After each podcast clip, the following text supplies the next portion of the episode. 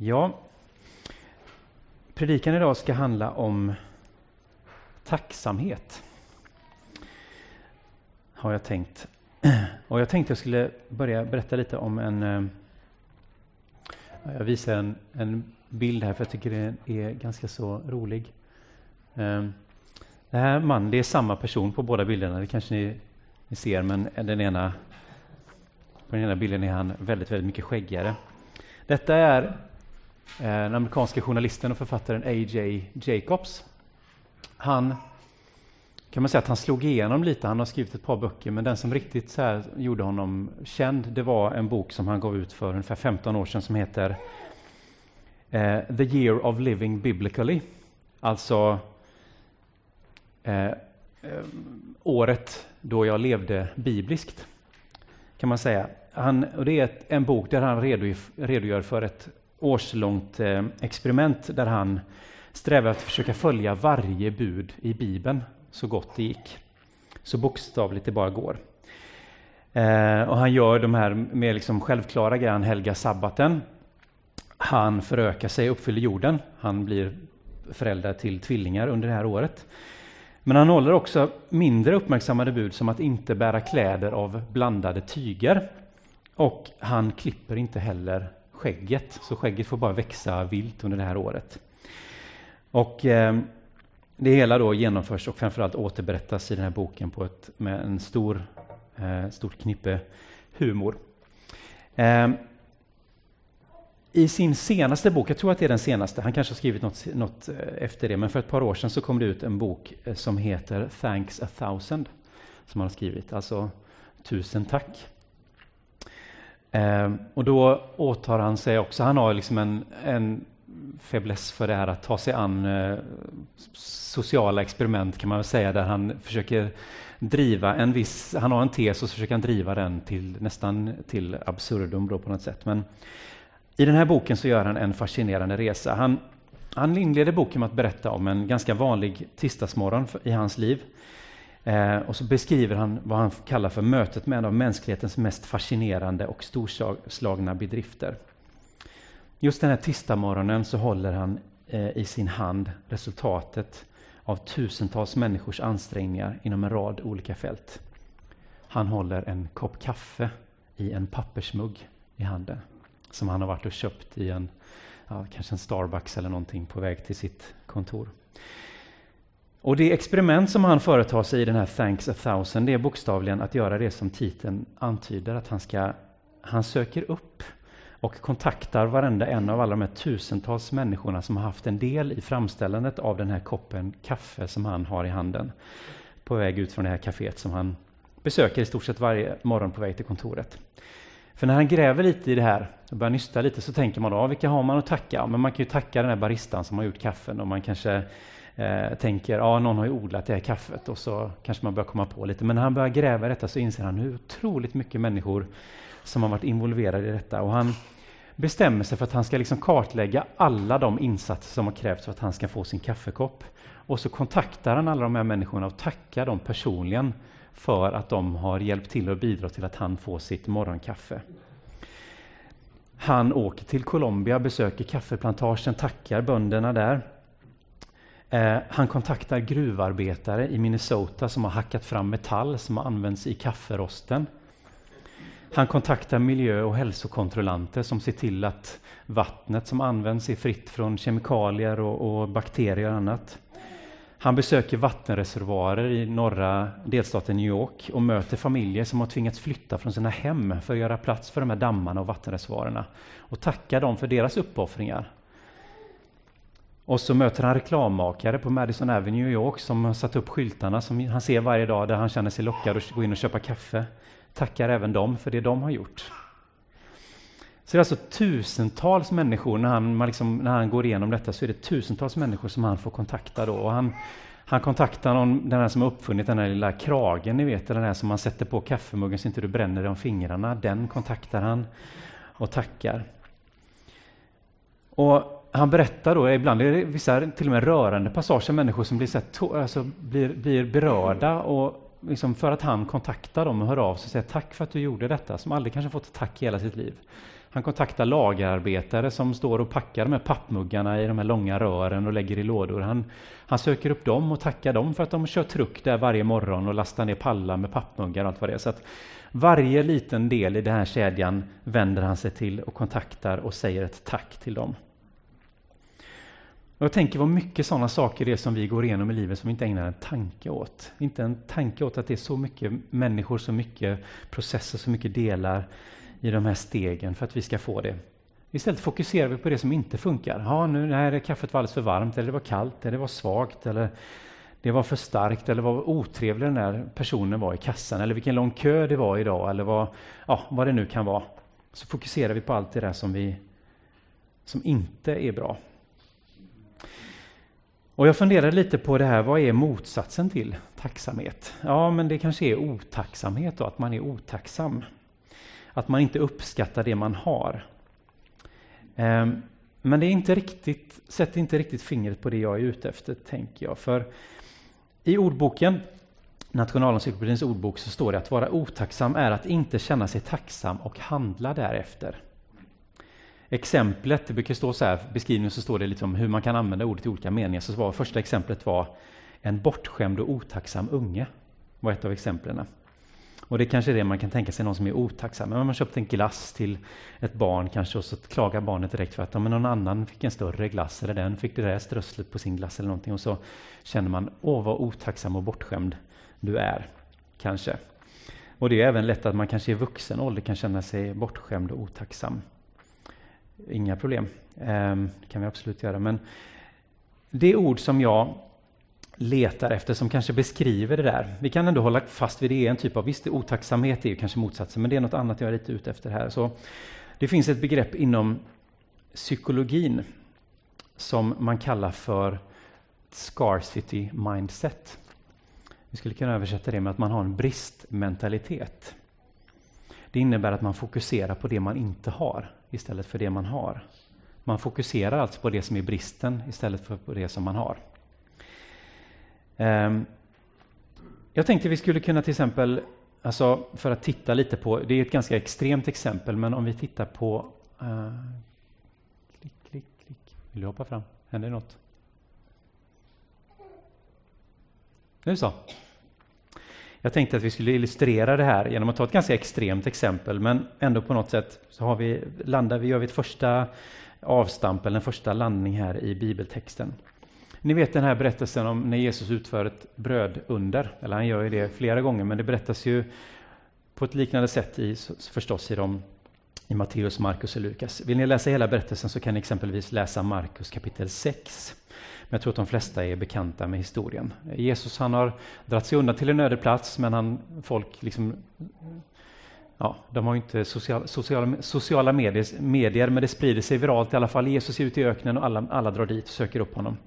Och så slutar det med att Jesus står där och, eller sitter och undervisar tusentals människor. Och han, det pågår ja, åtminstone säkert flera timmar, större delen av dagen.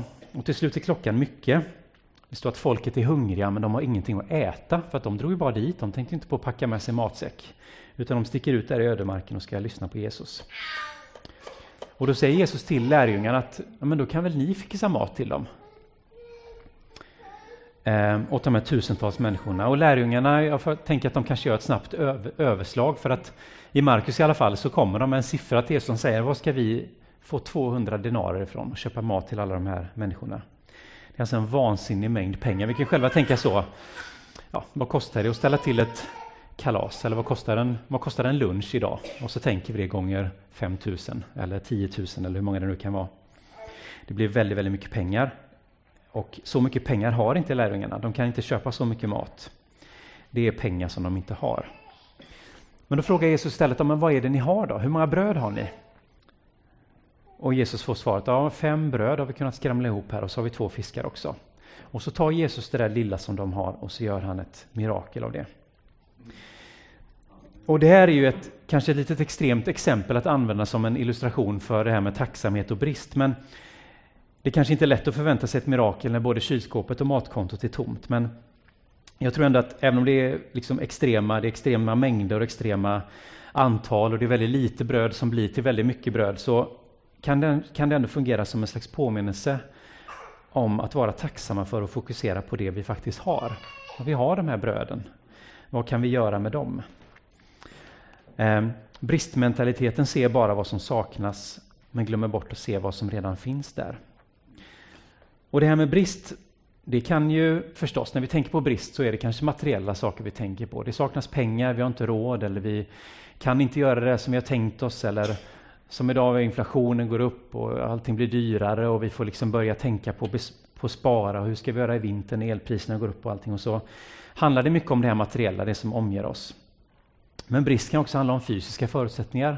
Vi känner att vi inte har tillräckligt med energi, vi har inte ork, kroppen orkar inte med.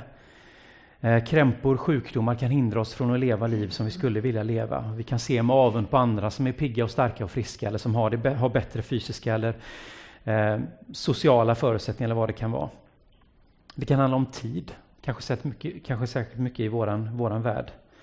Vi hinner inte med det vi skulle hinna med. Tiden är en bristvara. Vi skulle vilja hinna med så mycket mer än det vi gör. Men tacksamheten kan få bli ett motmedel mot det här. Ett slags, eh, mot, en slags eh, medicin på något sätt mot detta. Att vi hjälper oss, det hjälper oss att se på det vi har och inte fokusera så mycket på den här bristen just. Men tacksamhet, det är ingen liksom, trollformel som automatiskt gör livet bra eller som vi kan liksom, använda för att tillvaron ska lägga sig till rätta för oss. Men det kan hjälpa oss att, att ändra vårt sinne, att vara mer öppen för vad och se vad är det Gud faktiskt gör i våra liv. Eh, när jag var yngre så, så eh, fick jag lära mig att man skulle tacka Gud, alltså var, ha fokus på tacksamhet. Men att jag fick nästan känslan av att man skulle använda, använda det som att liksom, ja, men jag använder tacksamheten för att få det jag vill. Alltså att jag skulle liksom, om jag tackar Gud, jag säger vad jag vill ha till Gud, jag ber för någonting och sen ska jag bara tacka Gud tills dess att det, tills jag får det. Så blev det nästan som en magisk formel eller som ett mantra som jag kunde rabbla tills dess att jag fick det jag fick. Det fick jag ju inte alltid, ganska sällan kanske, men i alla fall. Eh, men genom att liksom repetera det här så skulle jag liksom kunna påskynda bönesvaret. Och man skulle inte hålla på och lyfta bönämnet igen och igen, utan man skulle lämna över det en gång och sen skulle man liksom tänka, var, lita på att men nu tar Gud hand om detta, så ska jag bara tacka och tacka och tacka tills, tills det liksom händer. Då. Um, men då tänker jag så här att ja, det, det, är väl kanske bra att man fokuserar på att vara tacksam och så vidare, men det blir också någonting som gör att jag, alltså tacksamheten tänker jag fokusera på det som jag redan har. Alltså jag tackar Gud för det som Gud... Tacksamheten har ju egentligen ett, kanske ett mer backspegelsperspektiv. Jag tackar Gud. Jag kan se tillbaka och se alla de gånger där Gud har varit med mig, vad Gud har gjort i mitt liv. Och så är jag tacksam för det. Visst kan jag vara tacksam för att Gud håller mitt liv i sin hand och därmed vara tacksam för att jag kan ha ett hopp och en tillförsikt för framtiden. Men det är också lätt att när jag börjar fokusera på när tacksamheten handlar om det som jag vill att Gud ska ge mig, då är ju återigen fokus på det jag inte har, eller hur? Då blir fokus på bristen istället för fokus på det som Gud redan har gett mig. Och kanske snarare förstärker den här bristmentaliteten, att jag har ju inte det ännu. Nej, men då får jag fortsätta tacka Gud för det jag inte har. Ja, men börja tacka Gud för det jag redan har. Det är väl kanske sundare på ett sätt. Jag gick tillbaka till Bibeln och så försökte jag titta lite så här, vad säger Bibeln om tacksamhet? Och jag började titta igenom Paulus brev i Nya Testamentet och märkte att det finns en genomgående trend eller tendens i hur Paulus skriver sina brev. För vare sig Paulus skriver, det är ju, vet ju, Paulus är ju den som har skrivit de flesta av breven i Nya Testamentet, och vare sig det är personliga brev som till sina vänner Filemon eller Timoteus, eller att han skriver brev till stora grupper, till församlingar i miljonstäder som Rom och Korint eller Efesos, Filippi och Kolossai, så inleder han sina brev på ungefär samma sätt, med tacksamhet. Jag ska inte ta alla dem, men i nästan alla av Paulus brev så börjar han på liknande sätt. Jag ska titta, kan börja med första Korintierbrevet kapitel 1 och från vers 4. Så det här är ju liksom i början av breven. Jag har bara tittat på inledningen av breven. Så skriver han så här. Jag tackar alltid min Gud för att han har gett er sin nåd genom Kristus Jesus. Genom honom har ni blivit rika på allt, allt slags tal och allt slags kunskap. Ty vittnesbördet om Kristus har vunnit sån fasthet hos er att det inte saknas något i era nådegåvor medan ni väntar på att vår Herre Jesus Kristus skall uppenbaras.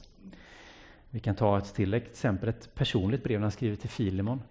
Jag tackar alltid min Gud när jag nämner dig i mina böner. Vi kan ta ett till. Alltså det här står i stort sett i alla Paulus brev inledande på ungefär samma sätt. Så här skriver han i Kolosserbrevet. Vi tackar alltid Gud, vår Herre Jesu Kristi Fader, var gång vi ber för er.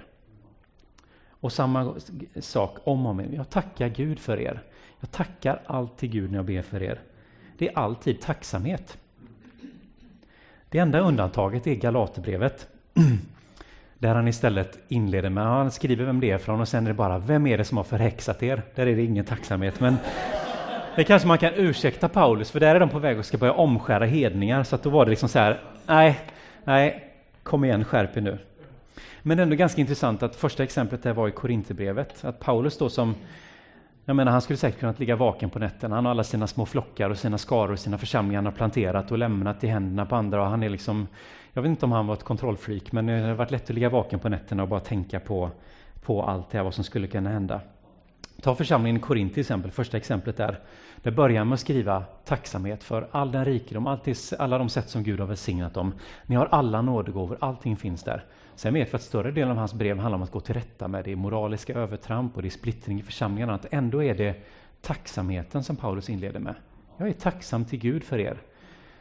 Ni, gör, ni orsakar mig jättemycket huvudvärk, jag ligger vaken på nätterna för er, men jag tackar Gud för er ändå. Jag är ändå tacksam för er, trots att ni orsakar mig så mycket bekymmer. Och det här med tacksamhet, alltså hur kan vi leva ett liv i tacksamhet? Hur kan vi liksom... Jag menar, det är ändå lätt att vi faller in i det här. Vi, ser, alltså vi lever i en värld som, där vi omges av Alltså den som har bara tillbringat några minuter på sociala medier, Instagram eller Facebook eller något annat och ser andra människors liv som är väl liksom tillrättalagda och det är fint och allt sånt där. Så känner man liksom, ja, ah, den där har någonting som inte jag har. Och det finns liksom, var, var, alltså vilka kretsar vi än rör oss i så är det lätt att vi jämför oss med varandra. Vi ser vad andra har, vi ser vad vi själva inte har och så blir fokus på bristen. Jag tänker på det som Paulus pratar om, han verkar ha varit han verkar ha haft rätt inställning till saker och ting på något sätt. Det är tacksamhet. Han är tacksam till Gud för de här människorna. Um, och vad gjorde han? Hur gjorde han? Jag tänker att det kanske var det här Paulus tacksamhet som gav... Vi ska eh, prata lite om en man som levde för drygt 500 år sedan. Ignatius av Loyola. Ehm, kanske var det Paulus tacksamhetsmodell som gav Ignatius inspiration till den bönepraktik som går under namnet examen, som han utformade och som miljontals människor över världen idag, 500 år senare, fortfarande utövar. Och hans examensbön, den går att variera på olika sätt, men de flesta varianter jag stött på involverar ett moment som fokuserar på tacksamhet. Och inleds ofta med tacksamhet. Och det är en form som jag själv försöker praktisera hyfsat regelbundet i alla fall. Och att man börjar med att, ah, examen är någonting som man, man kan be den när man vill, men att be den här bönen i slutet av dagen. Då man ser tillbaka på dagen som har varit och går igenom dagen från morgon till kväll. Stannar upp vid alla, alla händelser, allting man har varit med om. Och försöka vara tacksam till Gud för det man har varit med om. Och det är lätt att man i stunden när det händer så kanske man inte känner tack Gud för detta. Tack Gud för den personen, för det den sa. Eller tack Gud för det här jag fick uppleva. Tack Gud för den fantastiska naturen. Tack för det jag fick uppleva under den här promenaden eller det jag fick se. Tack för de här, det här fågelkvittret. Det kanske man inte tänker på i stunden. Men genom att titta tillbaka på dagen som har varit och reflektera över den så finns det så mycket att vara tacksam för. Tack för det där leendet jag fick av den här personen. Tack för att jag fick liksom, tack för den här måltiden. Tack för att, ja men det kan vara liksom, tack för att barnen höll sig lugna så jag fick gjort det där. Jag, hade, liksom, jag fick plockat upp tvätten utan att de bråkade med varandra. Nej men att vara tacksam för allt det där, stort och smått. Um, och det innebär att även dagar där man kanske bara känner så här, åh vad skönt att den här dagen är över. Det var inte mycket som gick rätt, blev rätt idag. Till och med de dagarna innehåller åtminstone glimtar som går att vara tacksam över. Det finns alltid saker som vi är med om som, som är orsak till tacksamhet egentligen. Att praktisera tacksamhet som en medveten handling, det formar oss. Det gör oss också mer mottagliga. Det gör oss mer öppna människor. Öppna för vad Gud faktiskt gör och vill göra i våra liv. Därför att om vi hela tiden fokuserar på bristen, då missar vi också det som Gud kanske gör. Gud gör en massa saker i våra liv som vi inte ens märker. Och som vi egentligen borde gensvara med tacksamhet till. Jag lyssnade på en intervju nu i sommar med en eh, amerikansk eh, teoretiker och författare som heter Michael Sakassas. Han brukar skriva, eh, han, skriver, han har ett nyhetsbrev som han skickar ut varannan vecka där han han skriver mycket om vårt förhållande till teknologi och hur, hur det påverkar våra liv. Och han gör det på ett intressant sätt för han utgår ofta ifrån tänkare som levde på 1800 och 1900-talet. Så de är inte liksom samtida med oss, de lever inte i den här världen. För ni vet alla att det är väldigt svårt att kritisera sin samtid. Det är mycket lättare att se tillbaka i backspegeln och se vad som har varit kanske. Ja, det där gjorde vi fel, eller det här borde vi gjort rätt, eller det där var eh, ja, saker som man kanske är lätt att, att vara efterklok över. Men genom att titta på människor som inte lev, har levt under den här otroligt snabba teknolo teknologiska utvecklingen som vi lever i och sett de senaste 10-20 åren så, så får han ett speciellt perspektiv. Och han pratar om två sätt att förhålla sig till våran tillvaro. I den här intervjun så pratar de lite grann, de kommer in på det här ämnet om tacksamhet och han pratar om två sätt att förhålla sig till våran tillvaro. Det ena handlar om att vi försöker bemästra våra liv. Vi försöker kontrollera och planera våra liv. Det kan vara allt ifrån tiodygnsprognoser för att planera vad vi ska göra. Hur är vädret den dagen? Kan vi göra det den dagen? när vi tar det en annan dag för då ska det regna. Eller ja, men då verkar det bli bra väder, då planerar vi in den här saken. Och så försöker vi liksom ruta in våra liv efter det som vi kan kontrollera. Eller på lång sikt. Vi planerar vårt pension, pensionssparande. Om jag sparar si och så mycket eller om jag sätter undan si och så mycket så har jag förhoppningsvis så mycket pengar att klara mig då och då. Och så liksom försöker vi liksom både i, i det korta förloppet och det längre perspektivet kontrollera våra liv. Och ofta med hjälp av just teknologin. Men så citerar han den amerikanske poeten och tillika bonden Wendell Berry. Han säger så här. We live the given life, not the planned. Vi lever det givna livet, inte det planerade. Och med det så menar han att det är så mycket av det som vi lever i livet som inte är det som vi har planerat. Det är så mycket av det som händer som bara blir oss givet. Vi kan inte styra över det, vi kan inte råda över det. Det faller utanför den här ramen av vad vi kan kontrollera och bestämma själva. Men genom att leva, att omfamna det perspektivet, att tänka att ja, livet är någonting som ges mig. Det är någonting, inte någonting som jag planerar själv. Jag kan inte styra mitt liv, utan det är så mycket av livet som bara blir mig givet då kan vi också vara öppna för de här små ögonblicken, händelserna. Det där som vi kanske framförallt inte är beredda på. Tack för det. Det som vi inte har gått ut och sökt eller letat efter, utan det som bara drabbar oss. Mötet med en människa som jag liksom, ja, men jag hade ju bara tänkt gå och handla och så blev jag stående i ett samtal i 30 minuter med den här personen och det hade inte jag alls tänkt. Jag skulle bara gjort det här eller ja, vad det nu kan vara. Saker som drabbar oss plötsligt och som händer. Ibland kan det vara saker som är till synes negativa. Någonting hände som jag inte alls hade planerat och så fick jag liksom ställa in hela, allt det som jag hade tänkt. Men vet du vad som hände? Ja, men då mötte jag den personen, eller då fick jag vara med om den här saken. Eller helt plötsligt så insåg jag att, men vad är det här jag håller på med? Jag måste liksom ändra mitt liv. Nej, men att vara öppen och tacksam och ta emot alla de här små ögonblicken. Det tror jag är nyckeln till att få leva, kunna leva det här givna livet och leva ett liv i tacksamhet. Där vi är öppna och också mottagliga för allt det där som Gud vill göra i våra liv. För ofta är det inte de här sakerna som, ja, Gud det här är vad jag vill och nu tackar jag dig tills det händer, utan ofta är det, det här hände och jag var inte alls beredd på det. Men det var Gud som gjorde någonting och så är vi tacksamma till Gud för det som hände, som vi inte alls hade tänkt oss.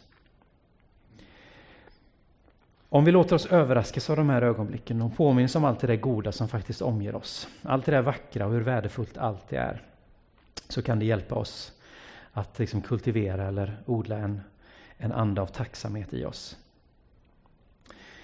Så vi får Och det, jag tror att det är liksom en, en, det är någonting som rör sig som en, liksom en, en eh, att det kan bli till en rörelse i våra liv.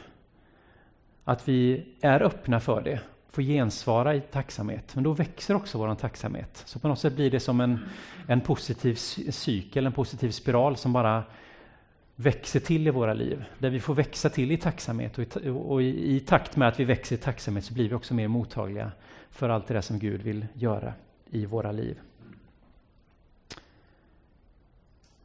Amen.